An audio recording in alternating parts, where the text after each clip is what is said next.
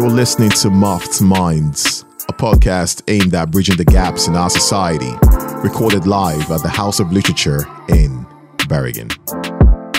Good evening, everybody. Welcome to this uh, rather unexpected episode of Meeting of the Minds. I still go by the name of Dorian's Grave.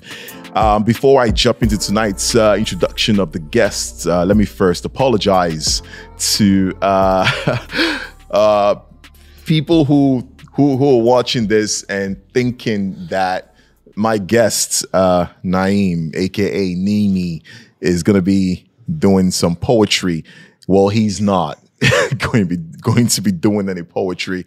So no, ladies and gentlemen, there is no slam poetry night tonight, but slam poetry will return. It will return for sure. Uh, but in the meantime, let's uh, say hello and welcome to Nimi. Should we go with Nimi? Nimi will go. Yeah. How are you? I'm good. I'm good. Yeah. Yeah. Really um, enjoying Hesperia, Okay. as they call it. what have you done? What have you been doing? Uh, being away with kids, hanging out up on the hill, as you do. I haven't done that. Yeah, yeah, it's what you do here. You go hide in the woods on a hill somewhere and hang out with your family and be nice to each other for a week before you have to come back to reality and uh, sort of get on with work again and do the normal stuff. So, Is, is there still love at home right now, or are you on the brink of reality? well, I'm escaping tonight. It's a night off, so you know. But it's it's a nice thing. I think um, uh, what you said now really about people kind of returning home is uh, it's a massive one. You know, we're all feeling that. So I, I totally respect people stepping up and trying to reconnect because we've been shut off. It's a strange time. So What was your 2020 experience like? Yeah, 2020. Um, I'm lucky. I'm a creator, so anywhere is my studio. Um, you you have an issue there with kind of like a. I come from a good ADHD background with a hint of some uh, PTSD thrown in, so we are not really capable of sitting still. I've already warned the microphone people I will be moving a lot during this because I, d- I don't have the ability of it. I have a goldfish memory and I need to move around and express myself physically. But uh, no, 2020 was exactly that how to settle the mind and come down, look at things again, um, recreate ourselves, like you said yourself. You've stayed off the grid, then we suddenly have to find a new format, rediscover a way to tell our story and uh, come forward again. So here we are, full rotation. I don't know, a year and a half later, I guess, we're all a little bit itchy. We're waiting for something to uh, To give? something to give. Yeah, yeah, that's it. But I think there's been a great process for uh, for creatives. Um, maybe everybody got to see what it's like to be us for the first time, because we're locked in most of the time doing stuff in this periphery. It's central. It's focused downwards, and uh, then you come out and express it. Especially in my game, it's how it is. But Your game is crazy. I mean, we walk around the streets here in Bergen, we see we see a splash of anemia everywhere. It's it's it's it's how does it make you feel when you walk around the city and you see your artwork or your piece of of you? I'm hoping they paint over some. Okay. Yeah, that's a da- that's, a danger of it. Um, it's nice to put up work, but to create a good environment, especially in street art and graffiti, there should be renewal. Renewal is what makes it interesting. Huh. Um, when it becomes repeti- repetitive and becomes this kind of how can you place it? Um, uh, this icon of a of a position, then you sort of lost the point of it. It should be renewed and brought back, and uh, there should be some new minds coming in. Um, we avoided a street art festival in Bergen purposely because of that. The the guys that I know who are capable of doing large scale have all sort of come down and sat together and gone, let's push it out of Bergen. So we started a festival in Hardanger, in the valley, and we've worked our way from Rosendal, the some areas around Husnes. Uh, we'll move towards Halsene, where there's actually another incredible series of works that have been uh, curated by uh, John XC. If you go to the toilet downstairs, you'll see his tag on the toilet, like Armat. I'll be sure to check it out next time. Yeah. Like, I- Um, the point being is that if you fill the town with large scale murals, it'll be years before anybody can afford to kind of hire in artists to do a change. What works in Bergen and why Bergen will stay the center of street art in Norway is simply because we create a journey. You wander through the streets, you find, you discover things all the time that gives us a little advantage over, say, Stavanger. Stavanger's incredible. They have like the top 20 best artists in the world arrive every year. The Nuart Festival that Martyn Reed has been running is exceptional. I mean, you, you won't find it in another place. But it doesn't have a ground up movement, this grassroots kind of identity. Um, I don't know why that is. Maybe it's you feel intimidated when you see really amazing work, but um, No, I think I think it's probably just respect. possibly, possibly. But I, I would imagine a knock-on effect here. It seems to just be thriving. Uh, not, yeah, he there's a lot. there- there's a there's He a long rains a discussion just about that part. It has a strong culture. I'll put it that way. Yeah, you know better than I do. But speaking of identity, you're actually coming out of South Africa. I am. I am. So tell us, you know, you're half South African, Johannesburg to be Mm-hmm. exact, um, and you're half Indian. Yep. What was that like at home? That must have been crazy. Yeah, yeah. You're kind of like placed in between two cultures immediately because you don't belong to either side. You're not completely black, you're not completely white, but you're definitely non white. And that's what the narrative of South Africa was at the time. It's apartheid, and you're, you're not welcome. That's the rule. You're just uh, the shops, the buses. It's go back to segregation in the US, and it was not long ago in South Africa. So much of that sits very strongly in me. I think that's why the activism part has always sat really quite close to my heart. That should never happen again. There's, a, there's something about distorting people's humanity and uh, not letting them view themselves as human is quite um, destructive. I mean, being an artist, I mean, everyone is born, and not everyone, not everyone. The artist is usually born with some kind of fire in their soul from a very young age. And when you've been exposed to that kind of oppression in South Africa at the time, what did it do to you mentally at that point? I'll give you a funny story.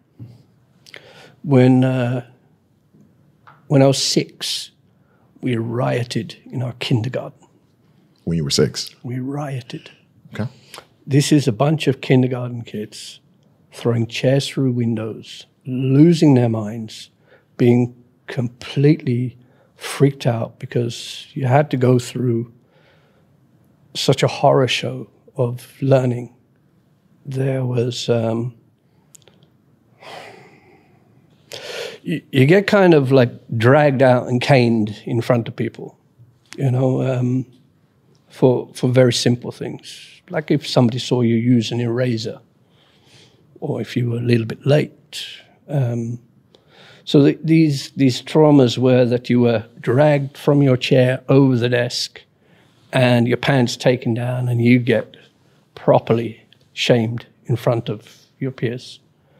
Um, so yeah, that happened, man. And I, I, I still, I still visually can see this guy, and I'll never forget this image. This guy Vernie stood on top of what I thought was a huge hill, and he had this bamboo cane in his hand, and he broke it.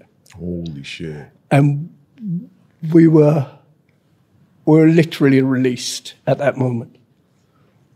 It's um, it's nothing I've really repeated or wanted to tell people because it's just uh, it's the core that kind of drives a lot of the machinery in me. Don't ever let this happen to your children. You know, don't let them get to this point where, as a young child, they need to be that angry. They need to respond. So, this is, let's say, 1976. They're about to change the regulation of South Africa mainly there's about 11 languages, but the main language was English. Mm-hmm. And Afrikaans, the, the broken Dutch language, was about to be inferred as the main language. Um, but the riots were going everywhere. There was a lot of demonstrations. Um, I think uh, seeing my mother at the time, which was a big influence for me because she was kind of stepping outside of what the community expected of her. Um, she kind of went and had a career. What did the community expect of her? That she would be home and behave herself. But you can't when you're kind of uh, uh, told to go to work when you're nine years old, you know. So you you get that nine year old education and then you're going to work. You're you're an adult. She had uh, her first child at 15, married, you know, three children before 20. That's uh, that's a big fucking move. Well, shit. I I blessed myself that I didn't have to experience what she did. So when you when you look in retrospect, she got us out of there. Um, her and my father were divorced. She remarried. She'd met an Englishman. Um, they had lived in South Africa for a while. Then, as things began to be, get worse, so my mother was a kind of what we are which is this blended culture. When either side, you know, even though there's an Indian side in it, there was also this uh, uh, kind of mix Afrikaner side. Mm. Our grandmother, we couldn't even tell you where that where to begin with that. She looks almost Japanese somehow. Okay. But you've got to remember every culture that gets kind of closed off has already an internal culture. So you'll meet African Chinese women. You'll yeah. see. You, you, know, look at Brazil. Brazil expresses it really clearly. Absolutely. Um, but it's uh, there was such a such a diversity in how people looked. So my mother could get away with saying she's Italian, so she could be with my father and be in public or to do things. You know, so um, there, there was that issue. So they decided to move uh, to England. Uh, so in 77, we, or they, they left in 76 and we, we came the year after. Did things change or was it a new, a new society uh, you find yourself in, which is the U, England or London or the world yeah, we, we moved uh, to uh, where um, my uh, stepfather had worked in uh, Essex. He ran a company there.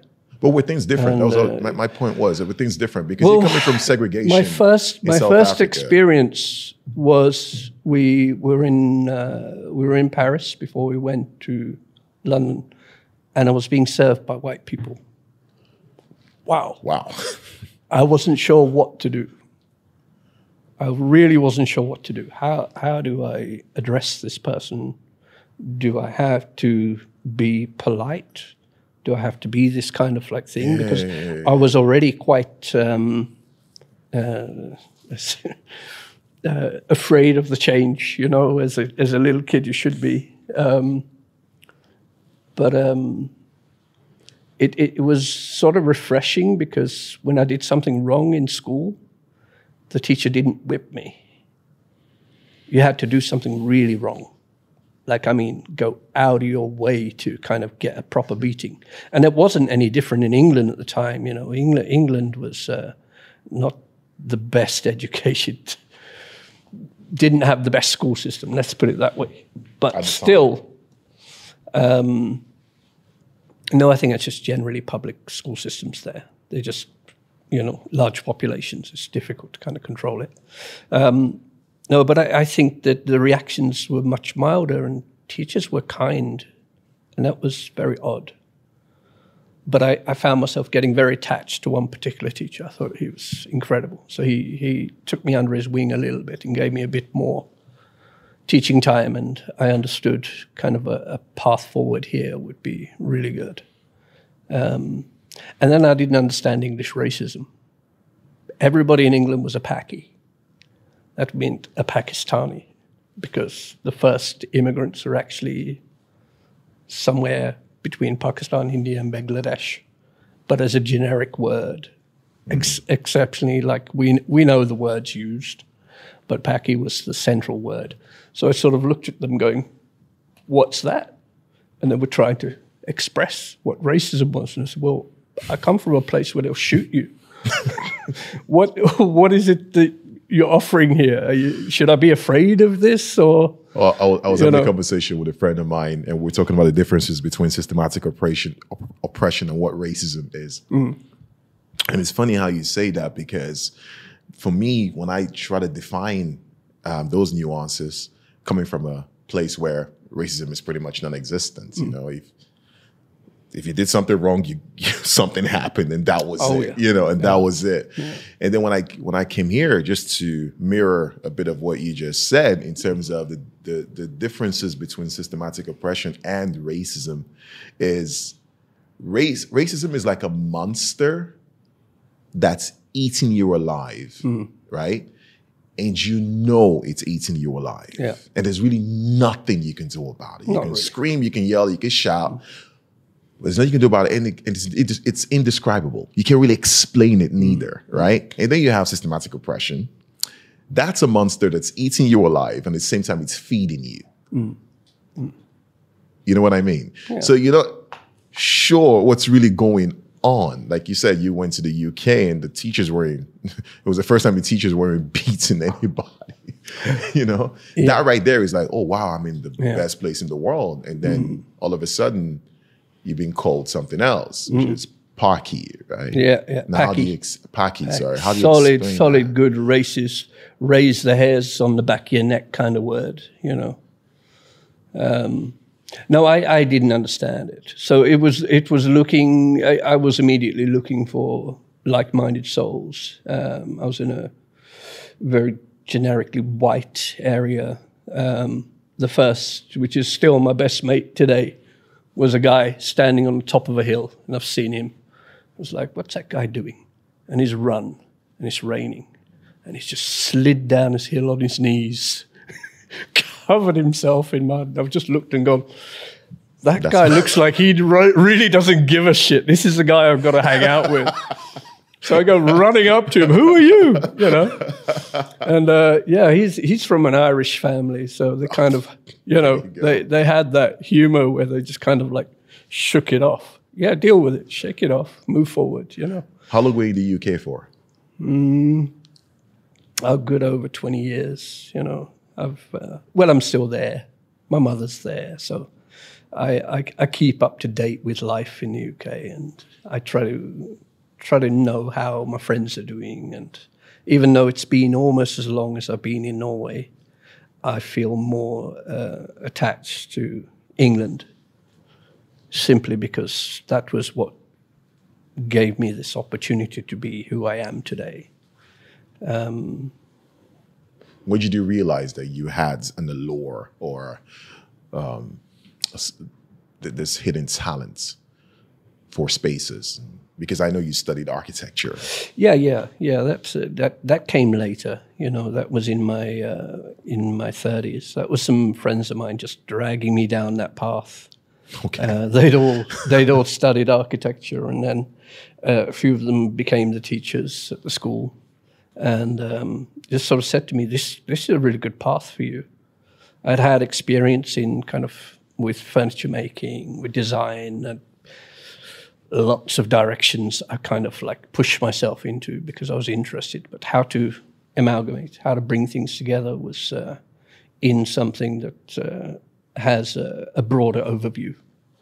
Um, so I got to study under a very interesting professor at the time, Svein Hatløy, who had a kind of like a, a beat poet kind of language. We're in the right you know, he wasn't he wasn't a guy who would just tell you things straight. He'd be drawing out something between Fanta and Reichenberg and how they relate to each other, and you're just sitting there going, "Okay, how do we how do we approach this guy's thoughts but he was a, he was a fascinating guy. So I caught the old school culture of the architect school in Bergen before it changed. Uh, you know, this is how far back was it when Svein died?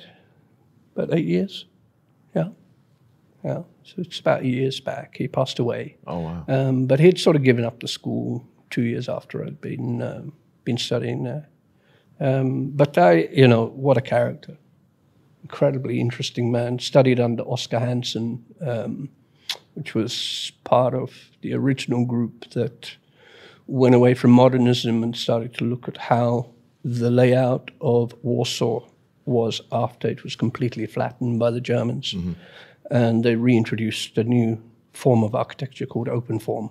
Right. And this was to look at how do we integrate multiple layers in cultures and give an opportunity for new culture to reintegrate itself. So the city was built in a way that a next generation could come and add without it being taking away the initial structuring. Is this what actually led to you saying what you said about you actually enjoy when your art gets That's the point. That's what I've taken from it. I guess that's the very strongest part of architecture that I've taken is that kind of uh, uh, understanding the broader overview, but looking at it from an urbanism point of view. How do we approach an area we're just not going to decorate a wall, but how do you get a community involved? Okay. So that's been my main sort of direction of trying to work with. This isn't just decoration. This is something that you can grow from and you can initiate and you can get other people involved. And you can really look at your area in a new way again. Right. I, I find I find I find that that um, people of a foreign background, artists especially, and creatives, they tend to have a collective approach Absolutely. to the Absolutely. arts. You should not be out there on your own. But but It's a, it's a lesson learned, put it that way. no practical reasons, of course. But at the same time, when you think about what you call uh, integral consciousness, and it's it's, it's it's this philosophy where I, I I see it mostly from from especially well, there's lack of a, lack of a better word, minorities.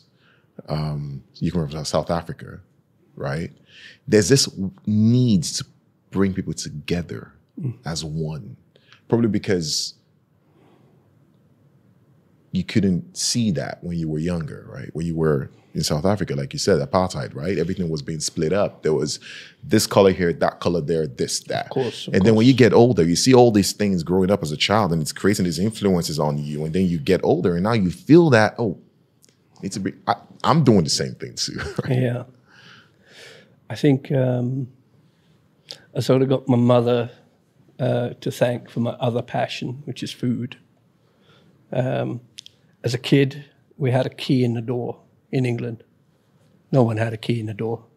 You get robbed. But we had a key in the door because the whole neighborhood was in our house Oh, and they'd be there straight after school. My mother would have this ridiculous pot like this with serious food.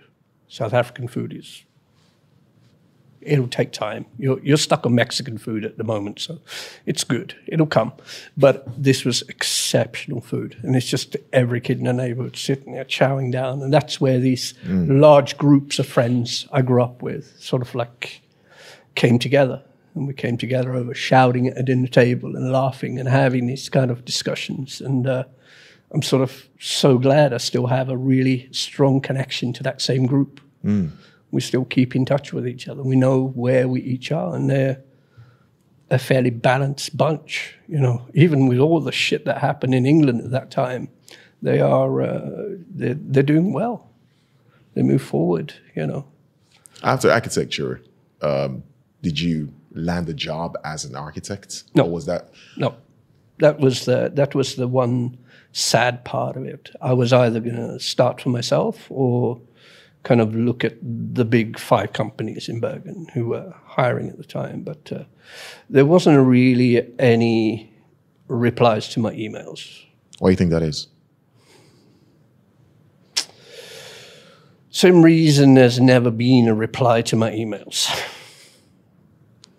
I think that's just uh, part of it, you know. Um, Part of what? Uh, well, part of I, what? I think where it started, let's look at what I was doing pre 9 11. okay. So You said on nine- the day of 9/11. 9 11, I'll never forget this. On the day of 9 11, I was doing the redesign of uh, Gaia Lueri's studio down at VAFTA. This is uh, Aurora's manager. Um, I was redesigning their studio into kind of like a underground submarine. it was a great concept, functioned with the whole the whole thing. But um, I walked into there for the, the first discussion on the project and on the television. 9 11 was going on. I'll give you a really simple thing. This is the first thing you notice. When I first came to Bergen, and I'd lived in Norway now for, say, five years around then, and um, you, you were noticed, but you were noticed more by women. They didn't just look at you, they looked at you. And if hmm. you've lived in England, girls look at you like that. Why? What are you looking at? You Right, know, yeah, yeah, and you yeah, have to say your piece before they even pay attention to you. But Norwegian women literally looked you up and down like, I'm checking you out. And they had no qualms about it. 9 11 happened. I have the look of whatever this narrative is that was put in front of us. Um, I was literally never looked at the same till one day.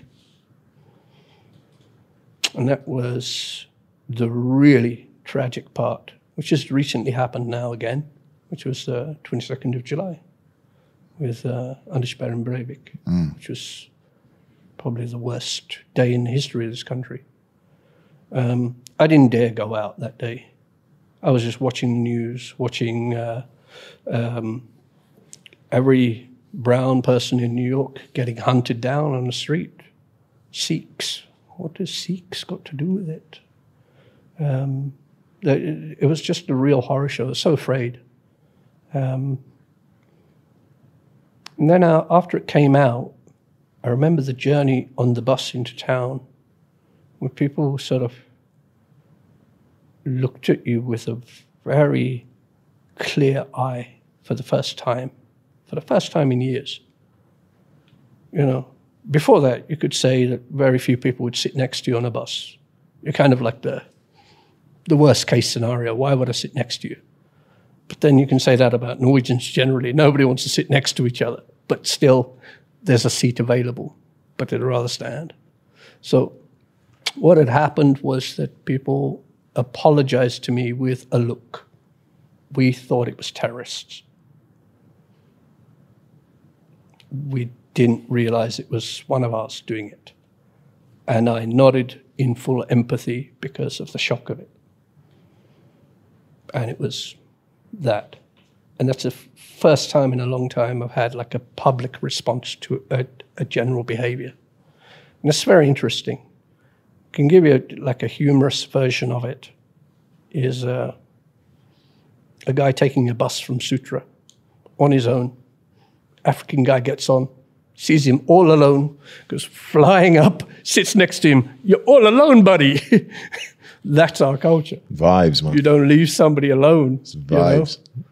That's the that's the deal. So this sort of shut off for a while there made me understand that something had changed in the culture. There'd been a level of fear brought in that was even more extreme than it was already. It's not been fantastic anyway, but then this really added a layer. And then it was sort of like, um, how do I undo this? How do I not look like me? you know, how do you not represent yourself as yourself? Was there a time you actually gave into code? You know, code switching. You've heard about code switching, Yes, right? yes. What was there? Was there ever a time where you said, "Okay, I need to start code switching so I could just be accepted into society"? So this happens. I'm living in the middle of middle of the woods in Norway. I go back home. I arrive at the airport. My sister's there to pick me up, and she's just staring at me. What the fuck have they done to you? Literally, like shocked because I'm suddenly wearing this like Oh, uniform no. of trying to fit into some local environment that wasn't me.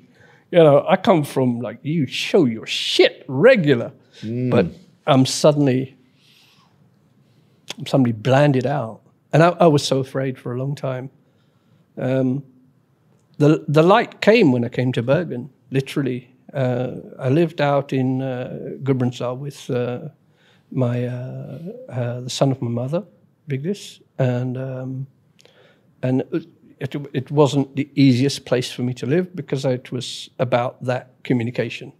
They told me very early on, um, well, you probably need to be here about 15 years before we kind of take you in. I, I, I had good connection to her friends and the near people in her family and that, but the outside of it was that uh, "Mm, no, no, we think you're a tourist. You know, you're not going to get in, so we're not going to use effort on you, and that's fine. That's fine. It's it's what it is, and I'm super social. Yeah. You know, I, I, I'll go chat to anybody. But where it really upset me was within my work. I was working for kind of furniture companies at the time. Um, and uh, kind of like, you know, I, I, I had a way of doing things. If you can't get the interview, get access to the job, you create something they want. And that's the way it goes. So if you can create something they haven't seen before, Become an asset. yeah, exactly. Create the niche. Um, so it was sort of interesting uh, that I worked with this incredibly interesting Filipino guy, and he had an energy. God, I wish I, I could just. I, I want some battery chargers and just clip into the guy a little bit because he glowed. He glowed when he smiled. He lit a room up, and this guy was being really bullied when I arrived at that company. He was kind of like shunned, but I didn't stop him. And that's when I realized it. Okay, you are taking this in. Why the hell are you taking this in? Follow this guy. This guy's got, got it sussed. He's just going to glow. He's going to glow from the inside and carry it, carry it with him. But it's it's it's killing him though. I- Absolutely, but at the same time, don't let it show. That was the deal. Don't let it show. The psychological repercussions of of um, microaggressions. You know, it's something that shows later. Absolutely. I, I, I'm, I'm looking at it now, you know, in hindsight and thinking, like, why did I choose that area and go about it? And uh, obviously, the fact was I wasn't going to last there. There were bets at home in England that they gave me three weeks. and I did come home after three weeks. I was literally like, oh, God, what's, what am I doing out here? You know, there's, there's nobody I understand. And I'm coming out of a very interesting kind of underground house culture in London mm. that is booming, you know. And suddenly I'm long arm dancing in a club in Norway, trying to figure out who the fuck I am in this culture. But it, you know, it has its charm. There's some. There's. A, don't get me wrong. There are always wonderful people you can meet along the way, but there is also that danger that you meet them on a Saturday night, but they are too afraid to talk to you on the Monday. Oh yeah, that's uh, So that that that just comes as a sense. I, I, I understood it later when it, it's a sense of insecurity that being being open to oneself is uh, it, it's very difficult. my my my first my first um, exposure to that behavior was, I believe it was. I'm going to say this on live television, and it's going to be weird. We just have to talk about it. Whatever it. you're gonna talk about. uh, the- Now, the- I the- said I said hi I said hi to a lady. All right. I said hi to a lady and we had a good conversation. It was great. And um, of course, it was this was way back in the day. I didn't I didn't I never really thought about racism. When did you come here? racism. Uh 2002. okay. 2002, being since then. And um, and I remember we had a good conversation, and this guy from across the room got so mad. Right? But one thing I know is about Norway is most Norwegians are very good at hiding it. You don't really see it. You know, it's like in Africa, right? In Africa, if someone is pissed at you, pissed at, they would show. You know what I mean? It's like, man, it is going Yeah. down. You yeah, know, yeah, and you get it out the way. and then cool. All right, Get we, out the oh, way, Shit, it's it's all done. good. We Yeah. get it. You know, either we talk about it or we fight about it or we just we just move, Move on, on, You know, but here it's just so disguised, and I didn't know this at the time. I was naive, of course. Mm. Even till today, sometimes I still can't figure it out.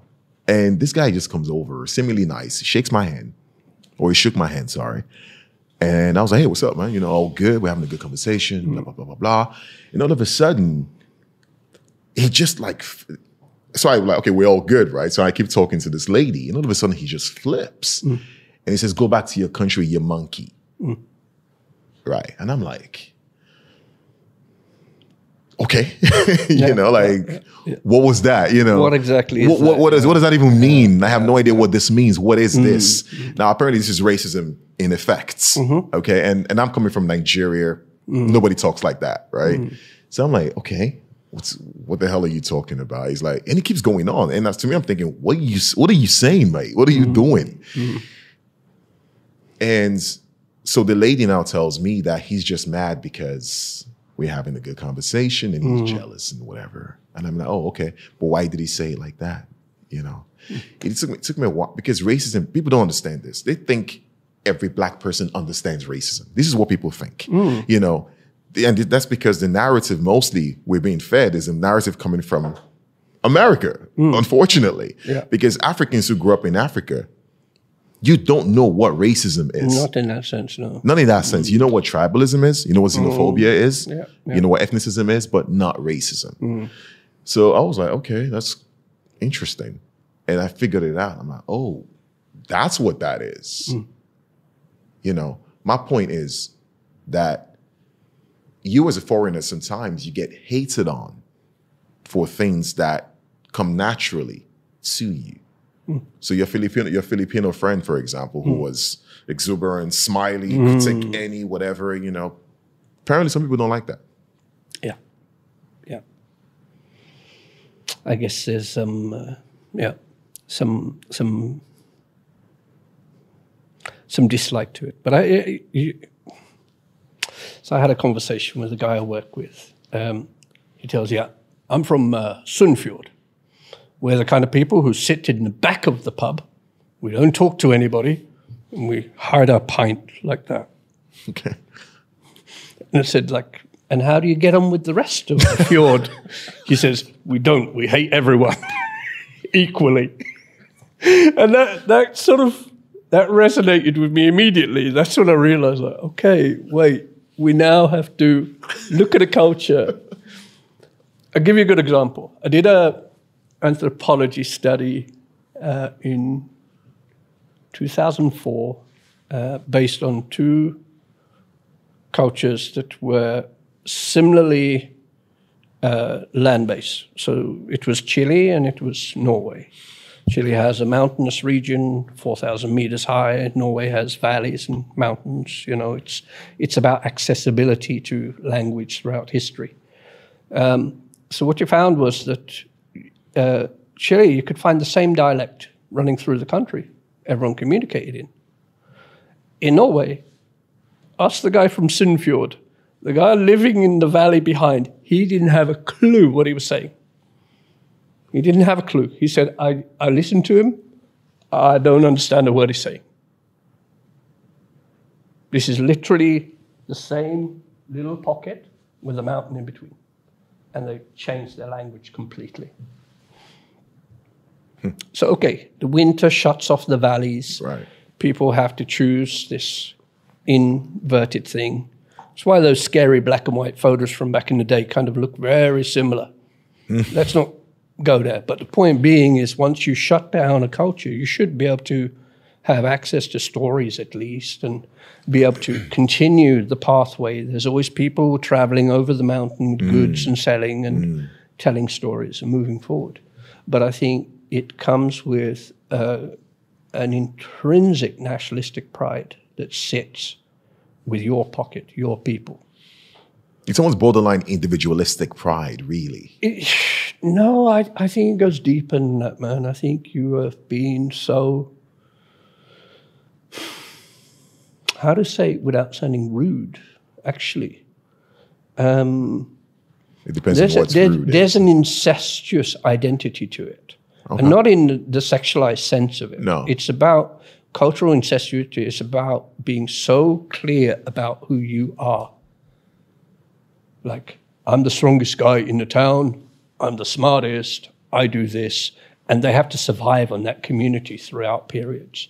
And I think when a culture gets caught down to those limits, and especially the populations aren't big, you, you're going to be very clear with each other. You're going to live that life.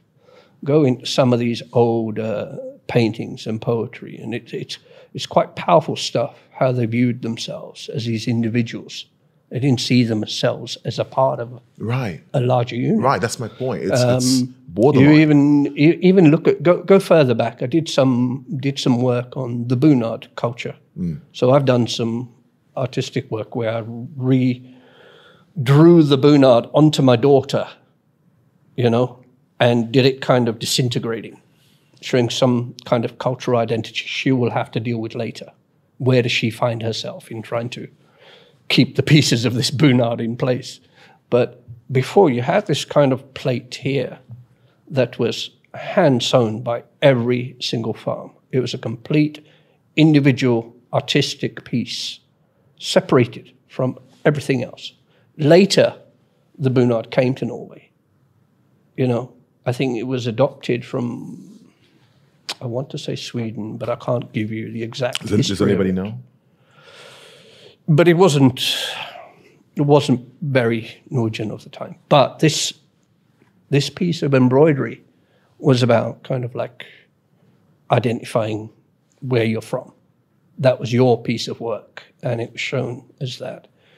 And um, it, I, I've tried to be generous in this, trying to look at this individual thing and understand it. And I've traveled all over Norway. I've worked in and out of everything and I meet incredible people, and then I meet tragic kind of situations where I am definitely not welcome, even though I'm invited to do something, you know, really you, sociable feel it. You with, feel it. with you their culture. It. Unfortunately, Well, you feel it. You'll see in my work, I leave behind a piece of work resonating the emotions I feel. So go through my work, look at all the places I've been, and there will be a story inside of the work. There's a lot of social commentary What, on it. yeah, what I've experienced in that place, um, and that that comes as part of it, and you you learn from that. So, um, but it, it's it's like the classic one. This just came out now recently. Norway can finally be one meter away from each other. You know, stop being one meter away from each other, and get back to normal to two meters away from each other. you know, and that, that just tells you what you're dealing with. It's um, people really, you know. I, I dealt with massive things. My worst thing was people mid conversation going, "I'm walking off." what just happened? to the guy. Did he say goodbye? Did I miss it? and it was, yeah, no, he finished. He finished the conversation and he had no more to say and he's walking away now. Um, no, I- I- it's it, there.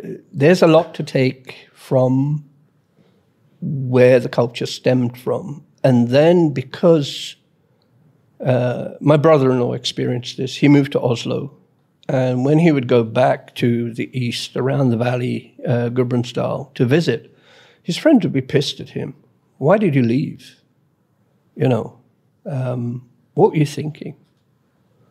We're here. You know, there's a there's there's an intrinsic part of being part of a community where they they're already low in number, hmm. where it's uh, it's felt. You know, what scares me, what scares me, Nima, is that that maybe sometimes I I'm I'm I'm African to the core, you know, made in mm-hmm. Nigeria all the way. I am proud of it. Mm-hmm. Would not choose anything else, you know.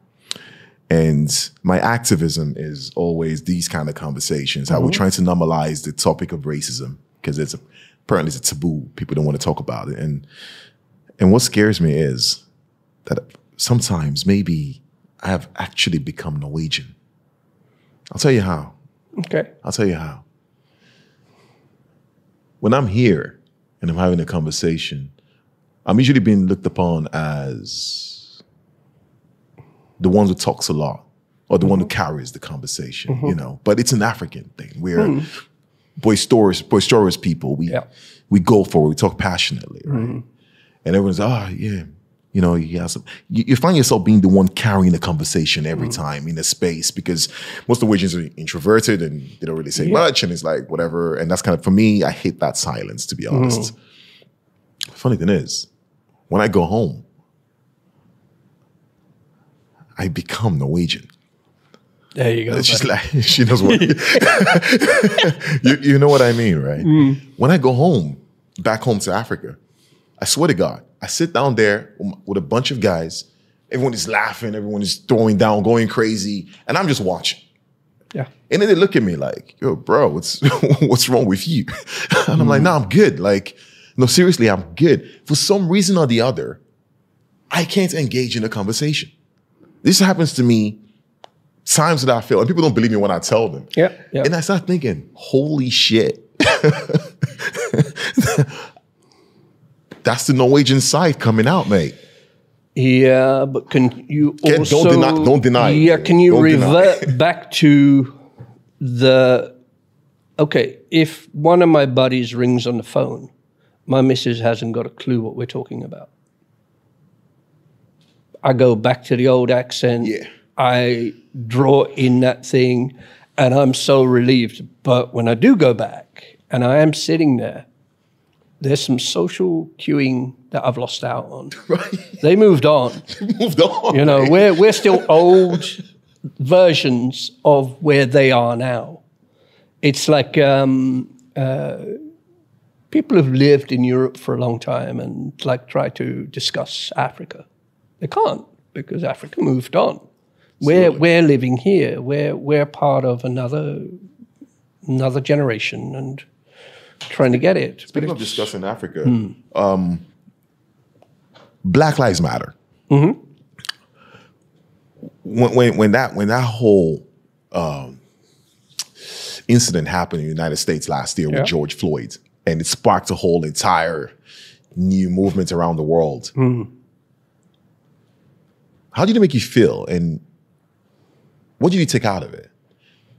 No, I think it was the first time people were actually sitting at home, had time to reflect on what they were seeing, um, and responded for the first time. I, th- I think people's lives are generally kept to a point that they can't worry about everything. But all of a sudden, you're viewing it live. You're seeing a part of culture that is not discussed or, or really being put outside of a media eye. You know, we haven't had, you, you can find like the King episode to George Floyd, a million people died. There was no discussion of them.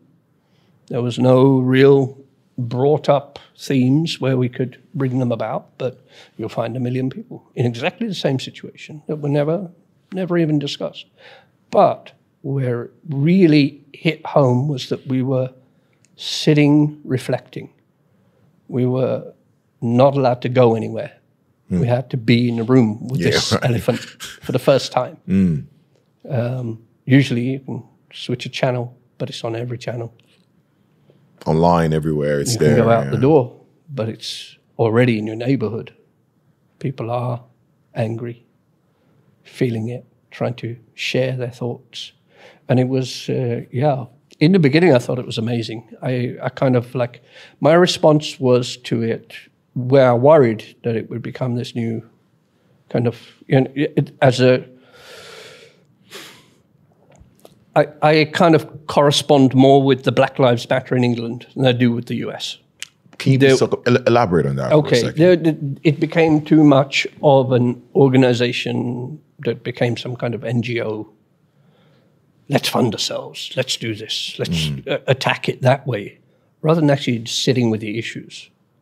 And in the London version, it was more about the issues. Okay, let's approach this and begin to get it out into the open and kind of look at it pragmatically. So it just felt like it was drifting. So when I was going to make a comment about it, I chose um, to make a piece called uh, Loving Day. Uh, so the piece is up in Sandviken. Uh, Loving Day, I think, is um, June 12th, 1976. From yeah, I think that's it. Um, and it was the a couple. She's African, he's American, who fought for the right to be married, and they won. And this changed the law. The first interracial couple. You know, that's that's not long ago. No, it's we've, not. got, we've got to think like uh, these things are quite close. Um, Christ, we just got gay marriage. Look how tragic we are, really. You know. Um, but it was like my reflection on it was that okay, we've got two sides saying uh, we didn't mean just Black Lives Matter. We meant all lives matter. You know, arguing themselves out of the original discussion. Be angry and speak your piece, but reality is that um, we have to live together at some point. So let's be, you know, make allowances for that and kind of like uh, go there. I, yeah, I, I kind of like made a few pieces around that time. Some some more political than others, but it's a, it's depending where you live. You need to be in a city to experience normality. If you're of any culture, I think that's how it works. Are you implying that Bergen is not a city? Bergen's as city as we can get here. I won't live anywhere else in Norway. Fair enough. I've I've experienced too much shit around this country to want to live anywhere else. So the reason, the one reason, mm-hmm. the reasons I asked about the Black Lives Matter movement was I, when, like I said, like I said early on, when we talk on the phone, you mentioned something about how your son was exposed to racism. Yeah, absolutely. My son's white. He's so white, it's ridiculous. You know, even when he was like really young, I was worried because he had blue eyes and blonde hair. and I'm carrying him on my shoulder, and people are just staring. And I'm looking at them going, Norwegian babies on sale this week. It's okay. Just adopted him. Walking off because people were just in shock. And then when he hit one, his hair darkened and his eyes browned. And I was like, Oh, thank God. We're all good, Mrs. We're all good now. We can talk again. But it, whole- it whole just year. yeah, but that's just like that's just about strong genetics. His, Mm. his family are a stunning group of people. I mean, wow. I I couldn't have found a better group to be a part of. They're all uh, their uh, their family name's Holmestad. All Holmestads are connected and related. They come from an area in Sogn. Yeah. They're, they're like a solid bunch. They moved to the east, and they were still, even though they lived in the east, still called like Vestland. Oh, you know, after 40 years of living there, oh, those people from the Vestland. You know, that, that didn't matter to them, but they, they just had this broad, open hearts, incredibly charming people. So I felt blessed being around them. But then again, And, uh, what did happen to your son? And then my son was basically viewed as an outsider. Even though he was born there, he grew up there, it didn't matter. They made his life hell. Um, his, um, yeah, they destroyed the best part of him. He was a, a charming, funny little fella lots of heart, laughed a lot, and they took that from him. They took that from him to the point that he, yeah, it went far. It went more than it should. Um, you know, he moved back there. He came to Bergen to study. He studied art. He's, like me, he's an artist. He's found his path. Um, he works in some other industries, but his heart still sits within the art. And he didn't find that until he moved to Bergen, that there were like minded people and they were viewed like that because he wasn't interested in football or cars. That's the bottom line. Right. You know, you've got to have your basics in place. If you don't kick What, what, did that, what that do to you though, as a father, looking at this, this, uh, this monster, you know, ruining your child? in though me and his mum were separated, I travelled there uh, a couple of times a month over a 15 year period, and I refused to go out in that town. I do things with him. I could not find myself being kind to them. His family were there, beautiful people. Why didn't, you, you take him them. out? Why didn't you take him out of there? If I may ask. Um, his mum was there, her job, her life, her family. You know, he was part of a really big area, but a lot of it he kept from us No, of course. um, because that's what you do. You are a child, you're afraid, and you don't want to bring adults into it. And it's not till I think he was around 18, 19 when he told us what had really gone on. Uh, we, we saw sides to him that were changing, but then that also came with being a teenager and part of his interests, which was computers. He was super brainiac, could build these monster machines and do that. That was his interest. Um, but that part of it, he kept, you know, what happened through school. He kept himself. And it's still difficult to even get the conversation out of him. You know, he tears up. He, his anger sits really close to the surface.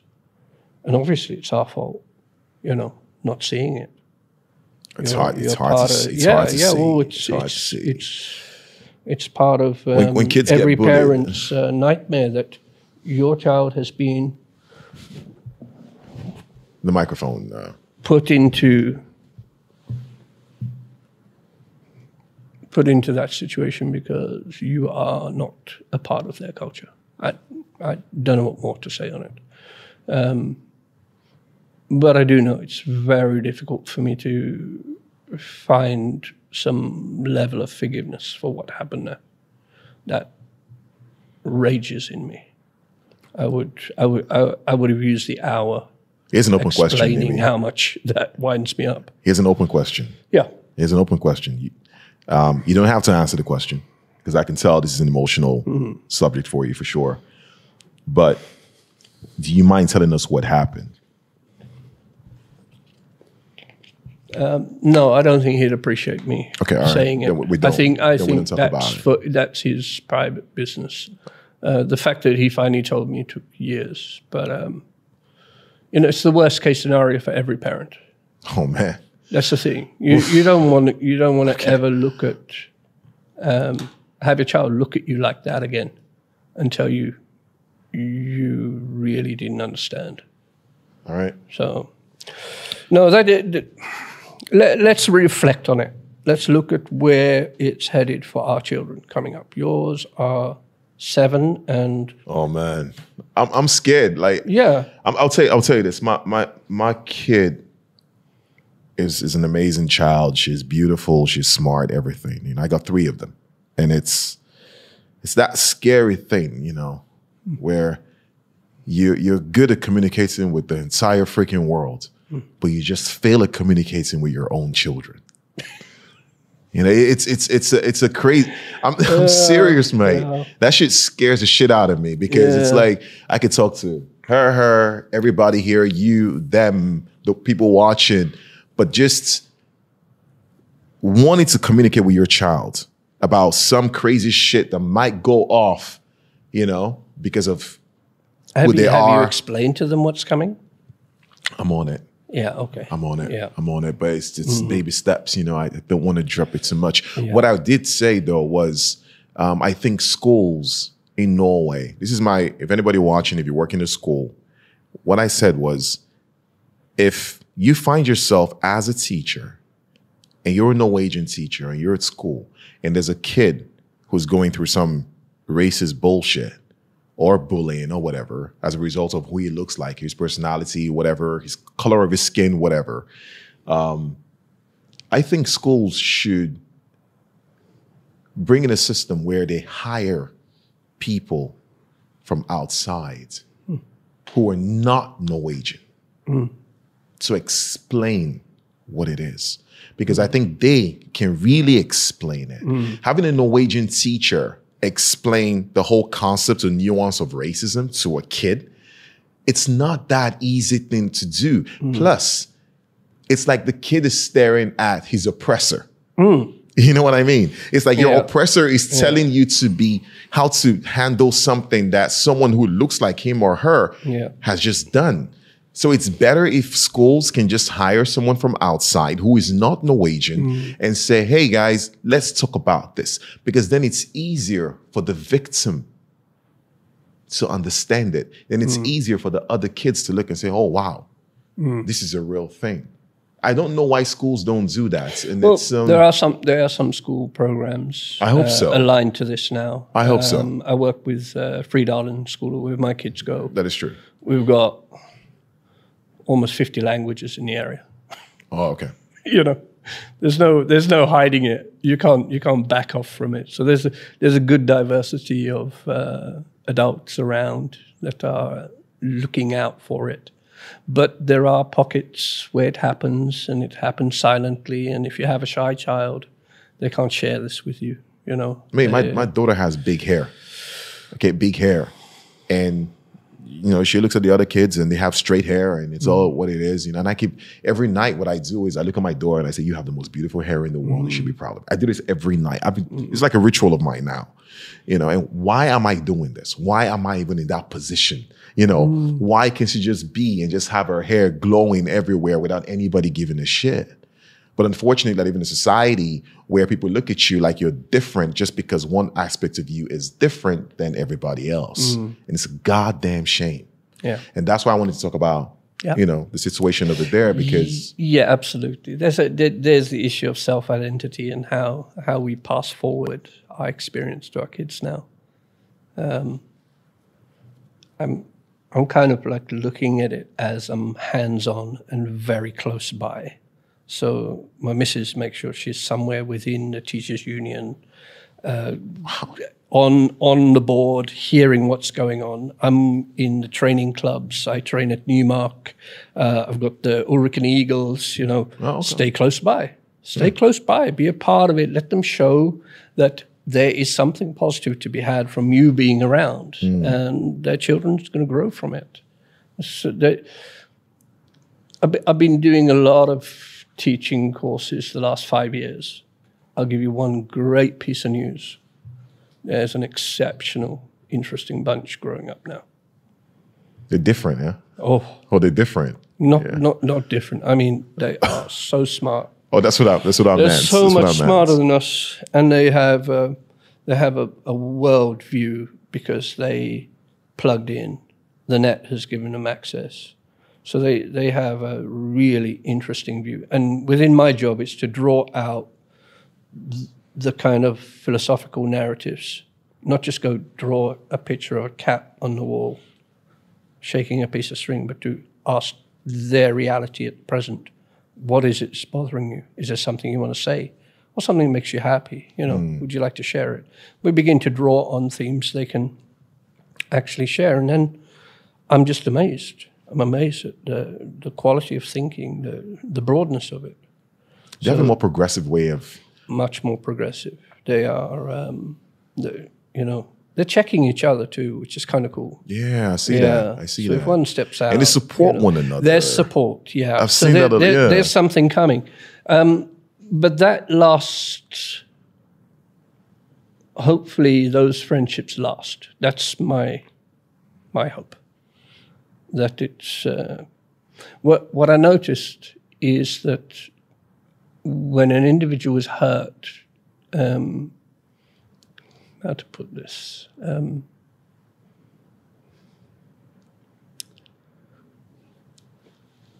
if I chose to be racist against white people, I would have done it in South Africa.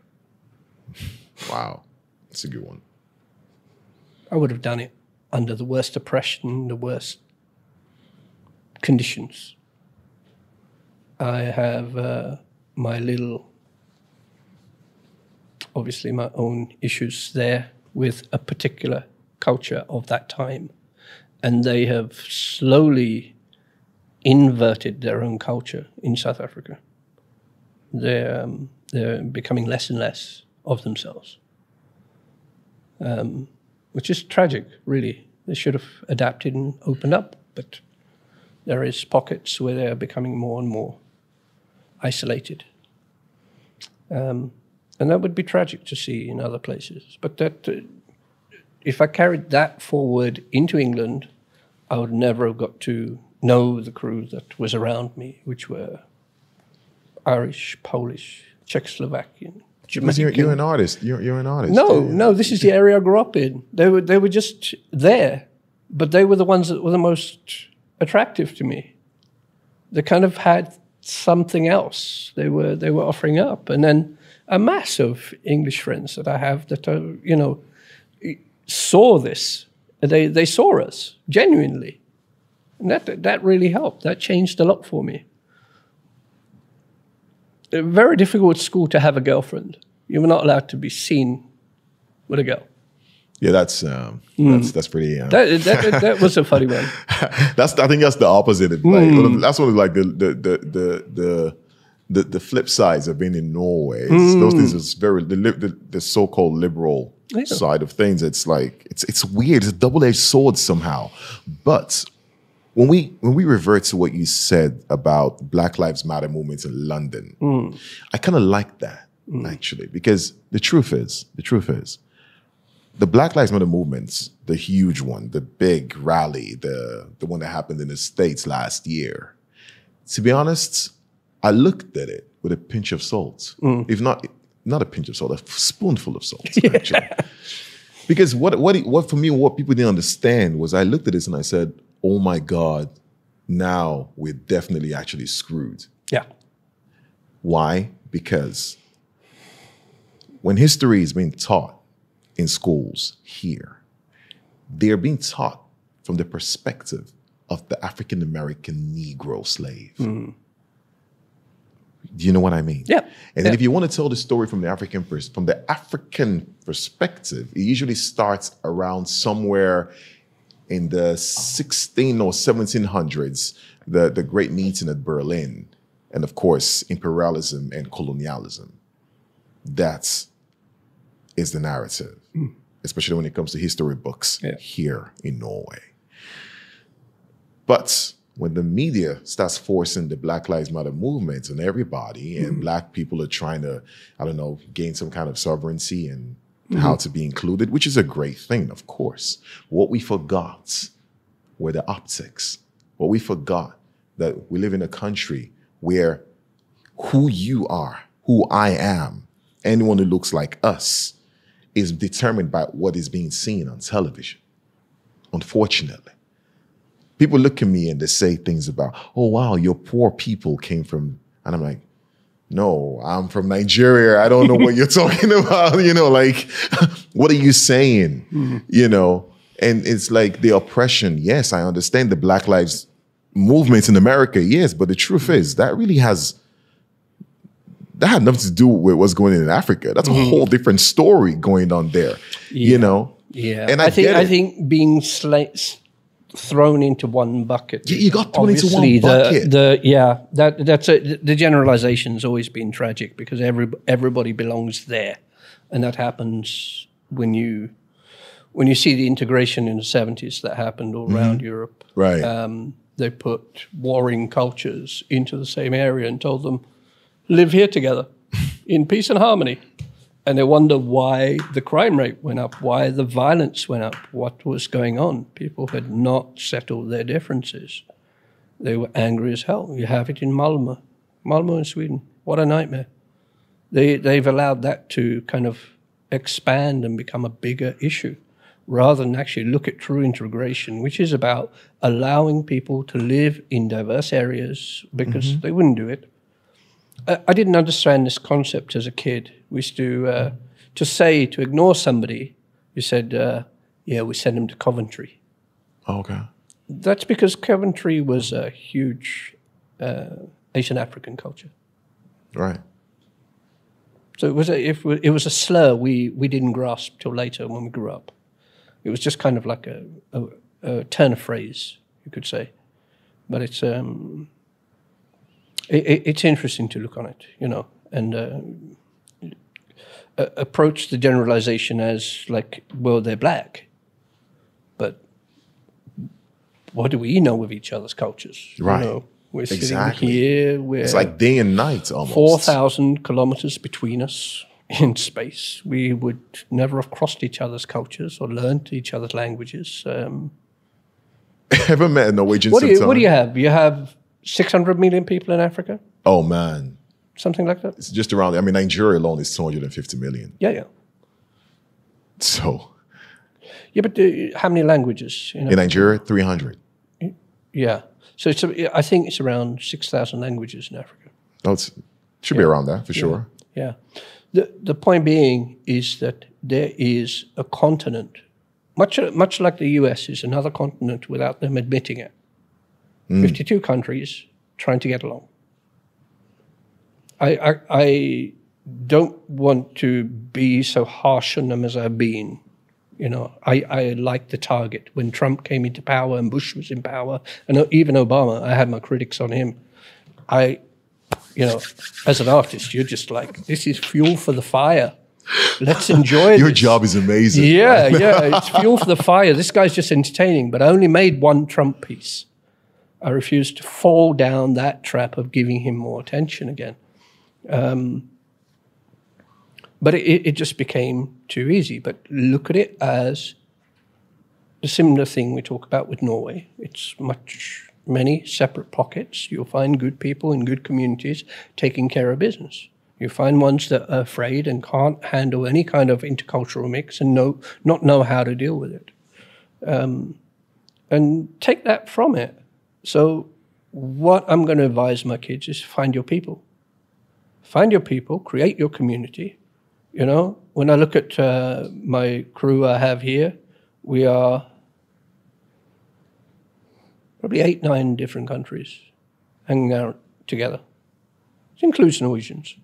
But that's what we are. We, we've found a common, kind of relatable thing, and we know nothing of each other's cultures before we met. We've had to learn them and express, and we have a kind of uh, fun evening of bringing together. It's your turn to bring along some culture to us this evening. We'd like to try something That's out. dope. Yeah, That's and dope. it's, it's the coolest fucking thing ever because something you've never ever experienced before. You're looking at it, going, "What is that?"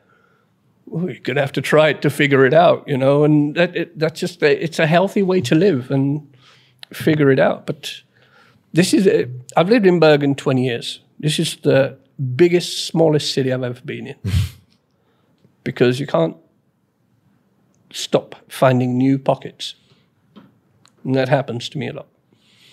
I think I think that's what the world is. I mean, I'm I'm, I'm so lucky I have the job I have or the Yeah. career I have. It's like I just I meet so many got the different timing awesome right. Yeah. people. I mean, you, oh, you know, them and Yeah. people show up. It's just Yeah. it's just great. And I and I always said probably because you I have this open mind. Mm. You know, and we come from a world where we've been exposed to so many different cultures. Yeah. So finding new culture is actually a great thing. Mm. But before we let you go, I'm going to ask you, what's new? What's coming up? What can we expect from Nimi? Well, I left you a black hole, didn't I? Look at your black should hole. I should I set that look up? At All it. right. Look at it. So, the thing about this, I, I joined a group of guys uh, who are paint makers. Um, they are creating uh, kind of lo-fi cutting-edge materials. Right. So the original concept was Vantablack, which is the most light absorbent paint in the world.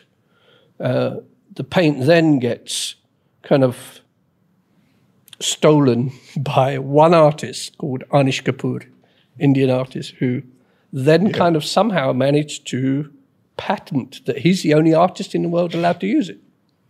Smart. The reaction from the street art community is a thousand artists all sit down and start sending information to this guy called Stuart Semple, who's a Dorset based artist. And he starts creating this paint. And it's as close as we can get to this super expensive product, which costs you $2,000 for this. You'll get a bottle this size for 150 krona. You know, the point being, it was a collective work of a thousand artists around the world who all said, everybody can buy this except Anish Kapoor. Wow.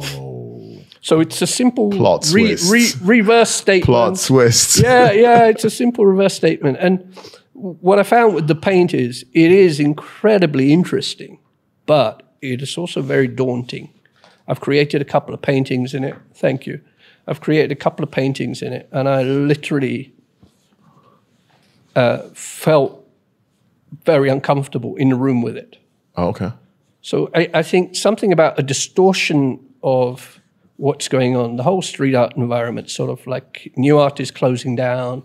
Um, you're seeing a repetition of the same kind Yeah. of three stencils in the city that Yeah, yeah, no one's really taking seriously, and it's um, it it kind of need we need a moment where we just take a break.